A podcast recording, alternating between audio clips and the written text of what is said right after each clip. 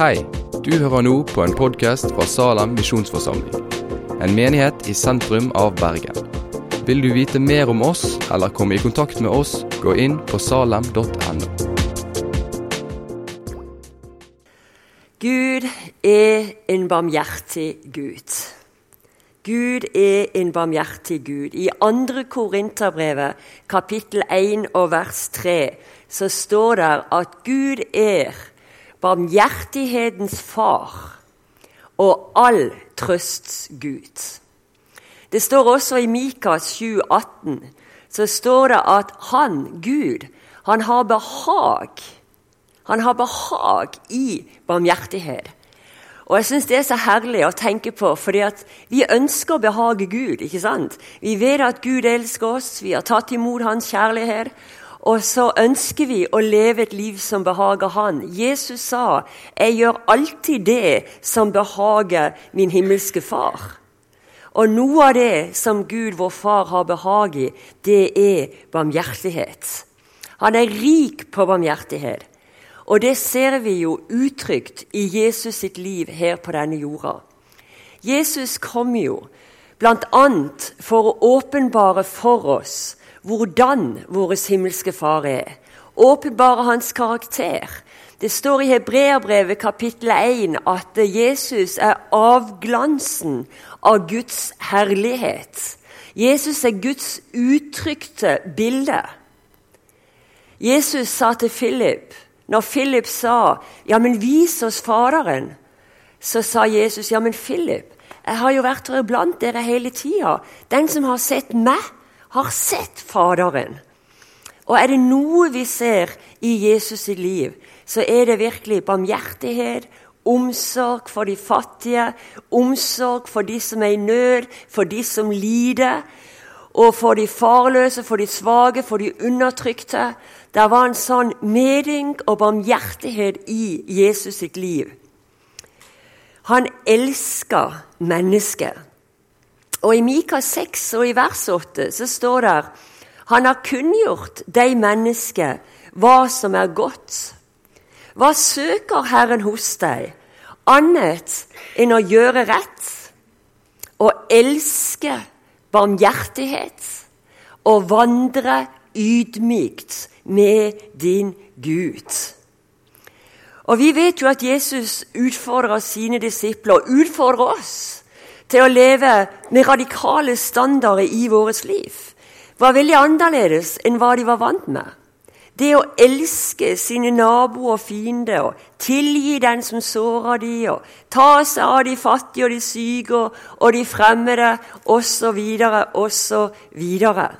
Og vi ser at de fattige sto Jesu hjerte veldig nært.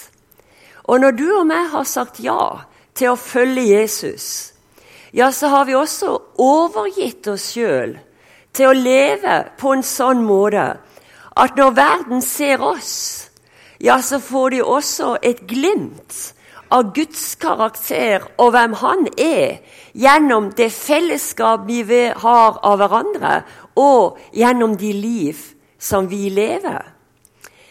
Jeg har arbeidet i Ungdom i oppdrag i Danmark i elleve år. Derfor bodde jeg i Danmark i elleve år. og Som du hører, jeg er sørlending, og derfor har jeg ofte ferja fra Hirtshals over til Kristiansand. Og En dag jeg satt på den ferja sammen med søstera mi, så, eh, så, kom jeg i prat med to danske. Eller de, de var nordmenn, men de hadde undervist på universitetet i Danmark. Og ganske fort så merka jeg at han ene spesielt han hadde sånn nød for de fattige. Så tenkte jeg så bra. Der har jeg innganger til å kunne vitne om han, vitne om Jesus til han. Og så begynte jeg å snakke om Gud, og snakke om Guds nød for de fattige. Og så var det akkurat som hele ansiktstrykket hans forandra seg. Så sa han Pøh, dere kristne, hva bryr dere dere om de fattige? Dere synger deres kor og slåss imot hverandre. Og jeg ble helt sånn tatt av det han sa. For det at jeg satt der og prøvde å formidle hvem Gud var. Og så oppdager jeg at han sitter der og, og, taler om de kristne som han hadde opplevd og erfart i den plassen hvor han kom fra. Og det ryster meg.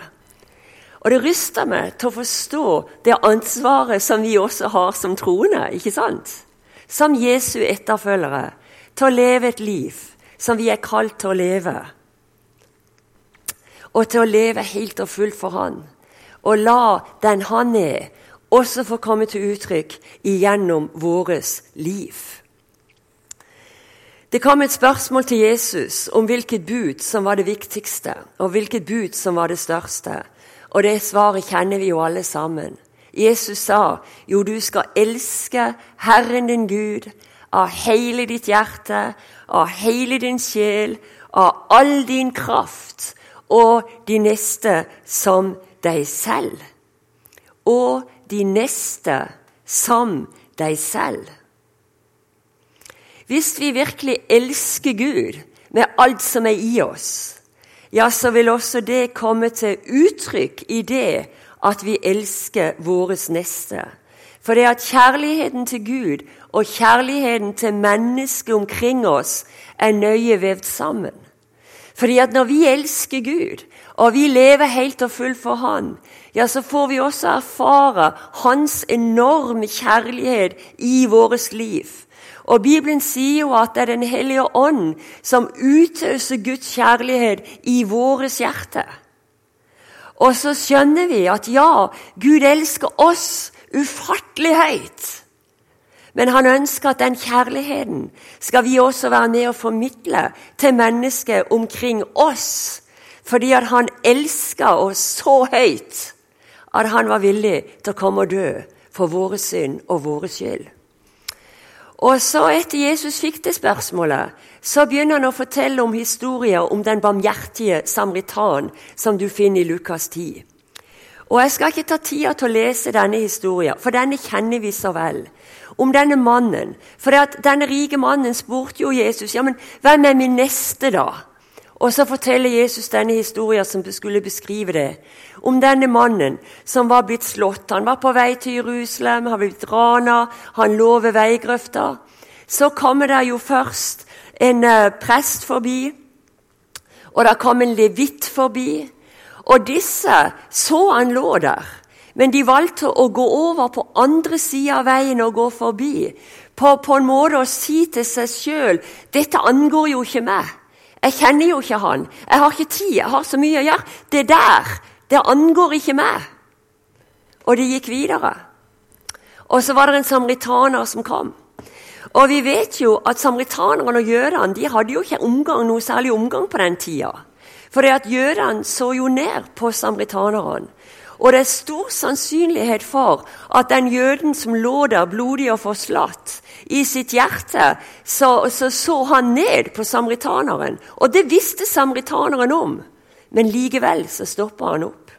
Likevel så tok han seg av han og sørga for at han hadde det han trenger til han kunne komme seg tilbake på føttene igjen. Og så sier Jesus, sann, den var vår neste. Et tilfeldig menneske med behov som kom i vår vei. Jesus brukte det for å fortelle oss hvem vår neste var. Jeg syns det er en så utrolig sterk historie fra Mercy en gang. Når jeg om, eller som jeg fikk høre av en av sjefslegene om bord. Fordi at De hadde jo klart en operasjon. Vi opererer veldig mange blinde som bare trenger en operasjon på 20 minutter, så ser de igjen. Og så lå der denne blinde muslimen på, på, bordet og skulle bli operert. Og så sier han og jeg gleder meg til å få syn igjen, så jeg kan drepe noen jøder. Og da sto legen og bare måtte svelge og måtte gå ut på ganga for å samle følelsene sine, fordi at han var sjøl jøde. Og så gikk han inn igjen, og så opererte han denne personen. For han visste det var det Jesus ba han om. Vi lever i en verden som er prega av syndefallet. Hvor det er mye ondskap.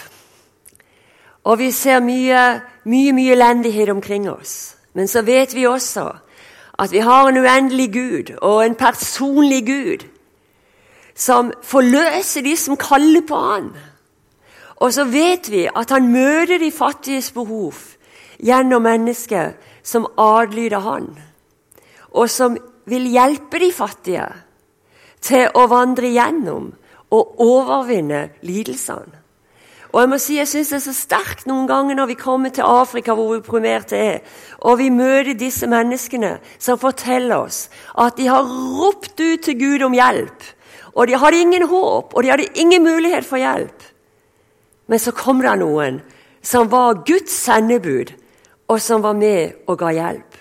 Moder Teresa, som vandra i Calcuttas gate, hun så mennesket med Jesu øyne fylt av barmhjertighet, fylt av medfølelse, mens andre bare gikk rett forbi. Moder Teresa så verdien som Gud så i hvert enkelt menneske. Desmond Tuta sa en gang da han besøkte oss, at deres handlinger utført i kjærlighet peker på det faktum at ethvert liv er av umåtelig stor verdi. Og det er så utrolig viktig å se. Hvert enkelt menneske, og det betyr deg, inkludert, har sånn utrolig stor og høy verdi.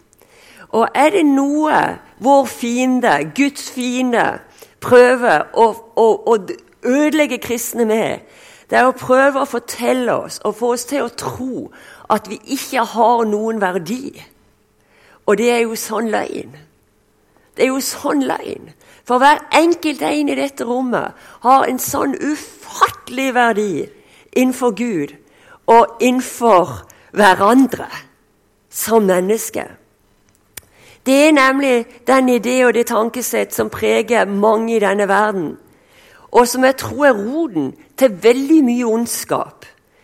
Det er nettopp den tanken om at noens liv har større verdi enn andres. Og det vet vi er ikke sant. Sånn vet vi at Gud ikke ser på denne verden. Et liv i Afrika er like høyt verdsatt i Guds øyne som et liv i rike Norge.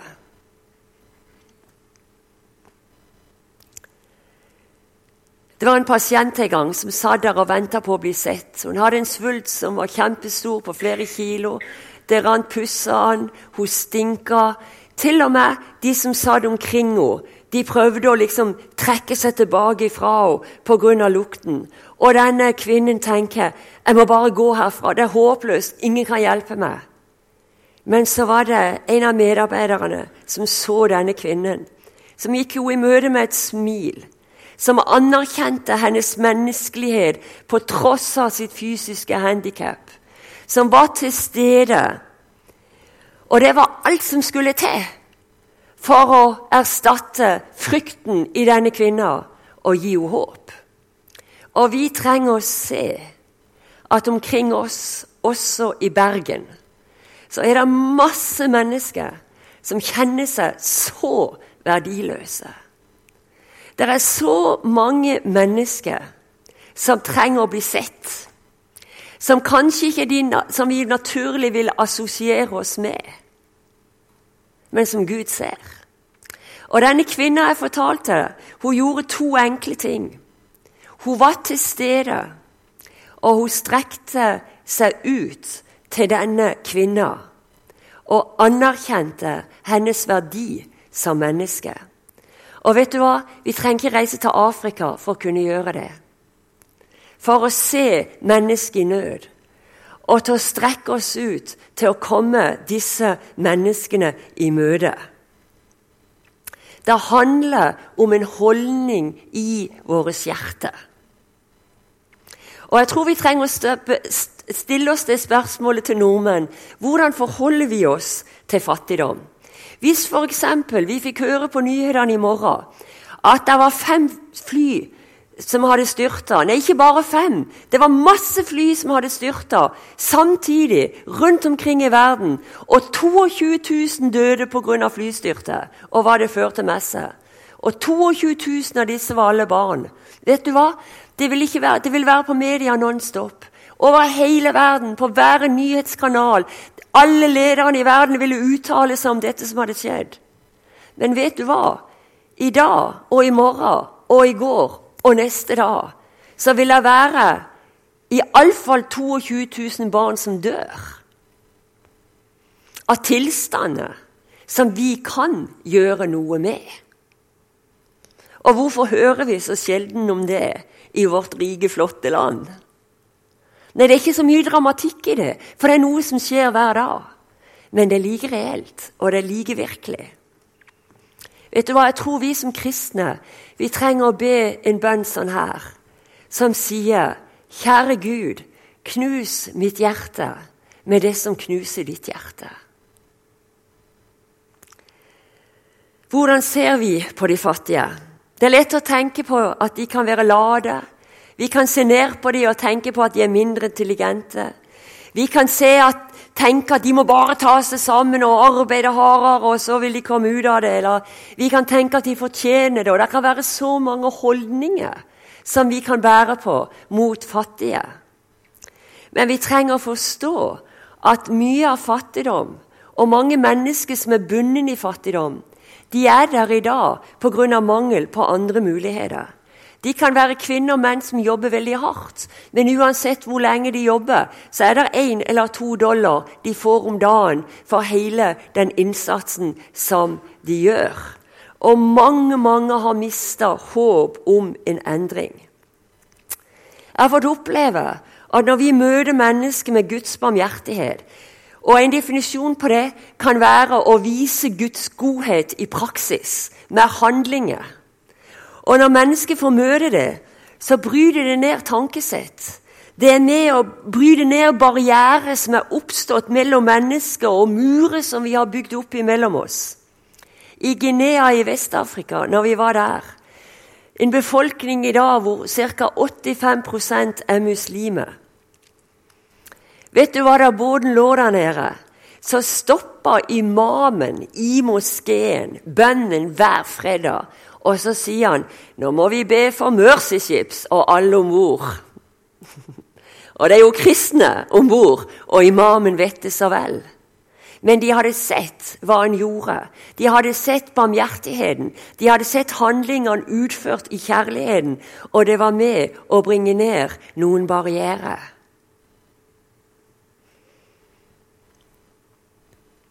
I Gamle testamentet så ser vi hvordan profetene igjen og igjen var med å formidle Guds hjerte til folket.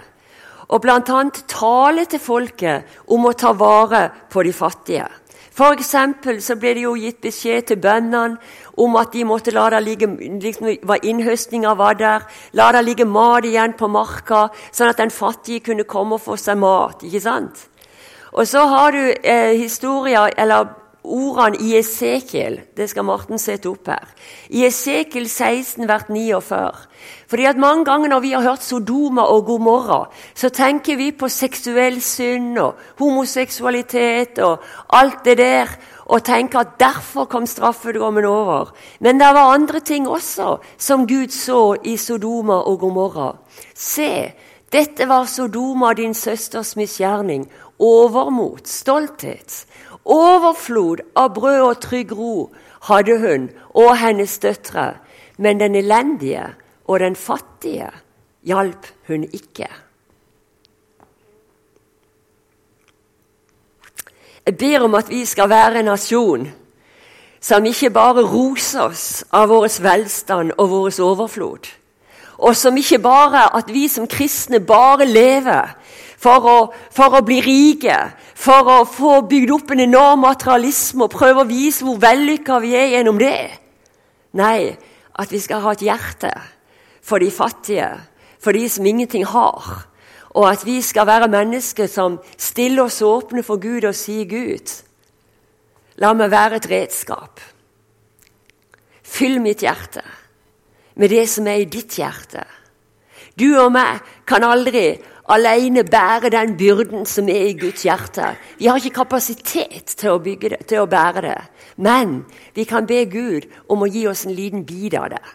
Og vi kan søke Gud og spørre Gud hva er min bit? Hvordan kan jeg være involvert? Hva ber du meg om, Gud? Og så tror jeg han vil lede oss. Ja, Det ble fortalt at jeg var leder på båten over to år. Men jeg kan huske jeg satt på senga mi hjemme en dag. Jeg har reist veldig mye og forkynt og vært involvert i evangelisering i mange land. Men jeg følte mange ganger at jeg, jeg kom inn, jeg underviste, jeg reiste videre, og så så jeg mye fattigdom. Og så sa jeg på senga mi hjemme i Kristiansand en dag, så sa jeg bare Kjære Gud, er det ikke noe mer jeg kan gjøre for de fattige? Jeg, Gud, du må bare vise meg åssen kan jeg være involvert. Og det var en bønn fra bunnen av mitt hjerte. Og så var det bare en kort tid etterpå hvor jeg fikk en telefon. Hvor jeg ble spurt om jeg var villig til å flytte om bord på den båten og, og, være der og ta ledelsen av det.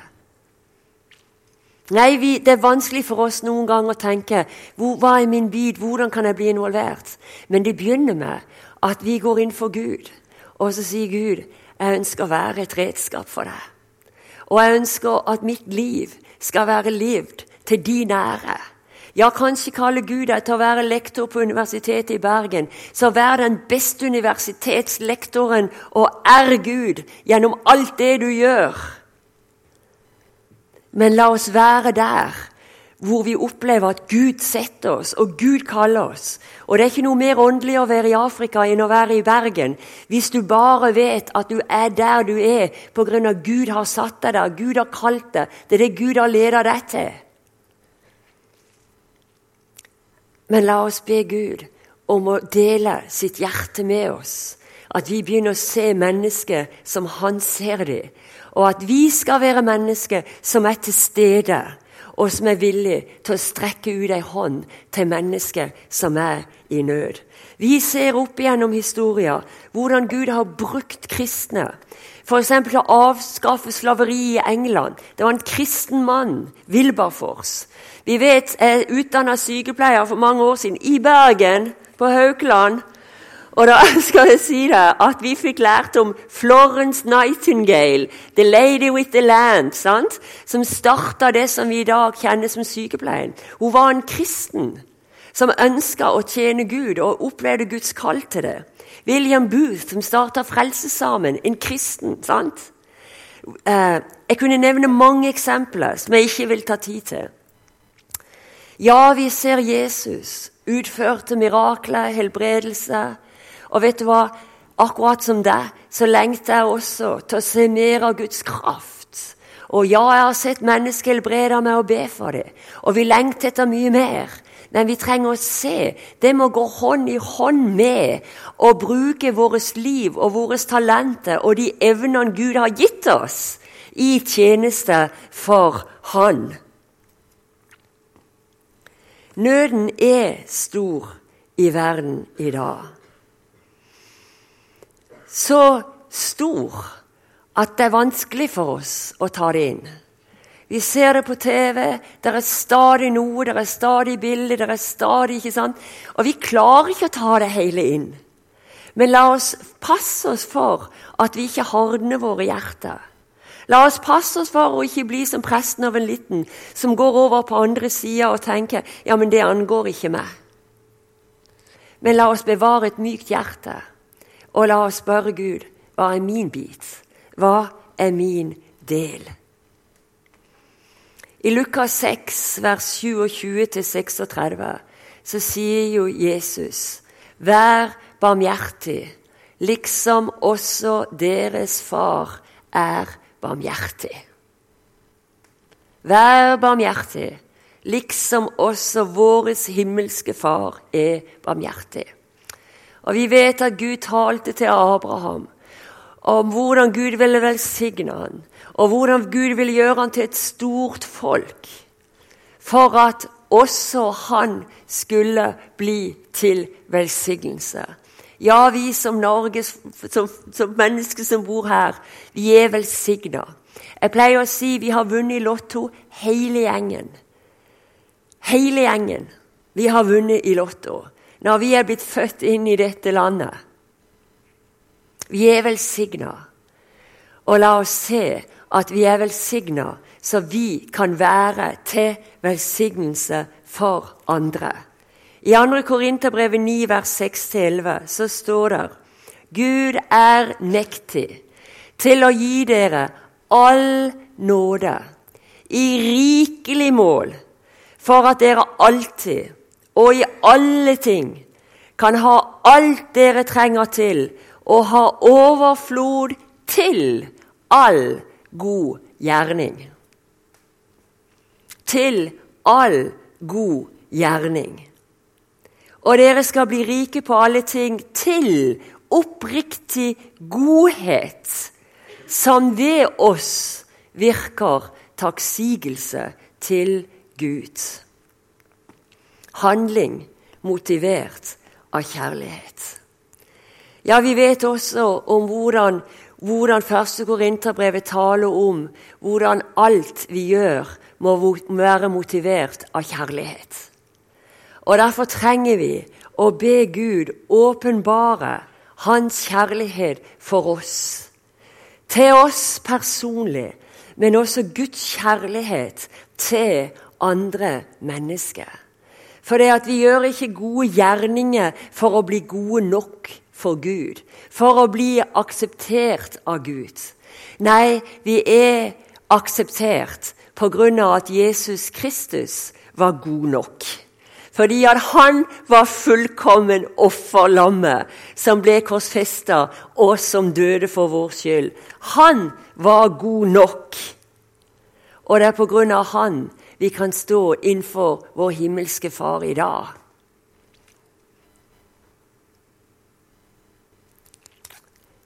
Matteus 25 er egentlig et veldig alvorlig kapittel. Fra vers 31 og vers 46. Og Det er egentlig ord som hjelper oss til å, til å forstå litt av hva Gud liksom forventer av oss som Guds folk. Og, og, når du ser sammenhengen av dette, så er det jo eh, liksom den endelige dommen. Ja, mennesker blir delt i to grupper. Noen går her, og noen går der. ikke sant? Men da var jo det som Jesus snakka om, det var det at eh, Ja, men dere kom og så meg i fengsel, og dere besøkte det. Jeg var sulten, og du ga meg mat. Jeg var tørst, og du ga meg å, å drikke. Ja, men sa de Jesus, når så vi deg i fengsel? Når så vi deg tørst? Når så vi deg sulten? Og så sier Jesus, det som dere gjorde mot en av disse mine små, det gjorde dere mot meg. Så når du er med og utøver barmhjertighet, motivert av Guds kjærlighet, så er det som om du gir det mot Jesus sjøl.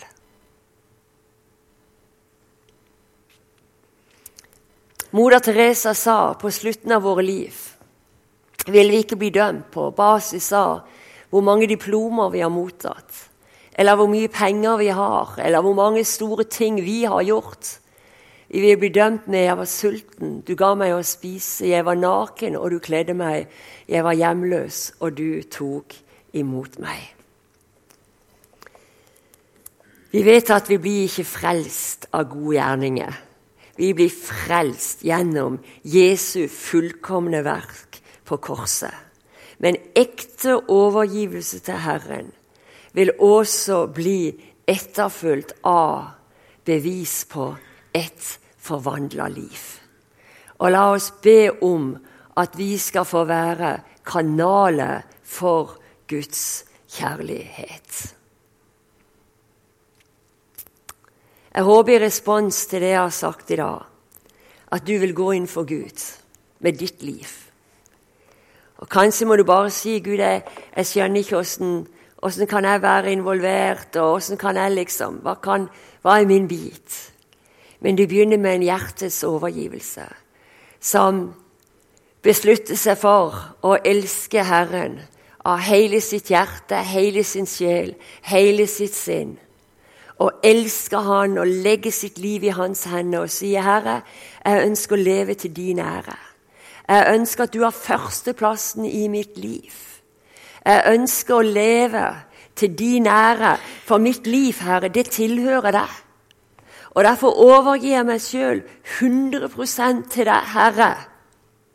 Og så må du lede meg. Og så ber vi Han om å åpenbare sin enorme kjærlighet for oss men også sin kjærlighet til mennesket omkring oss. La oss be.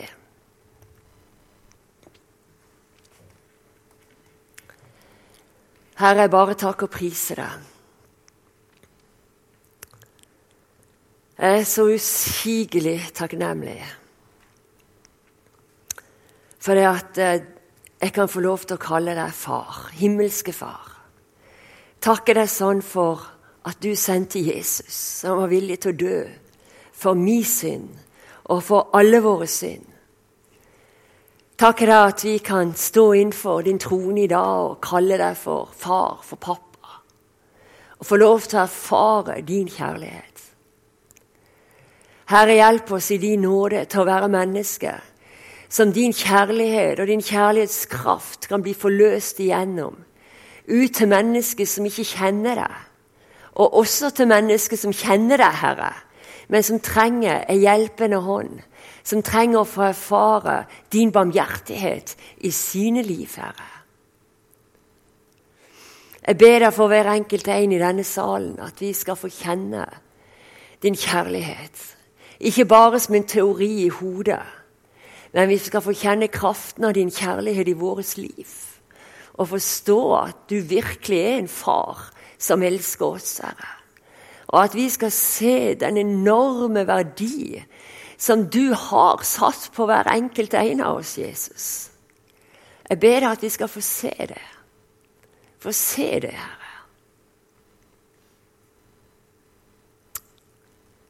Takk, Herre, at du taler til oss, altså når vi går herfra. Takk for at du taler til vårt hjerte. I Jesu navn. Amen.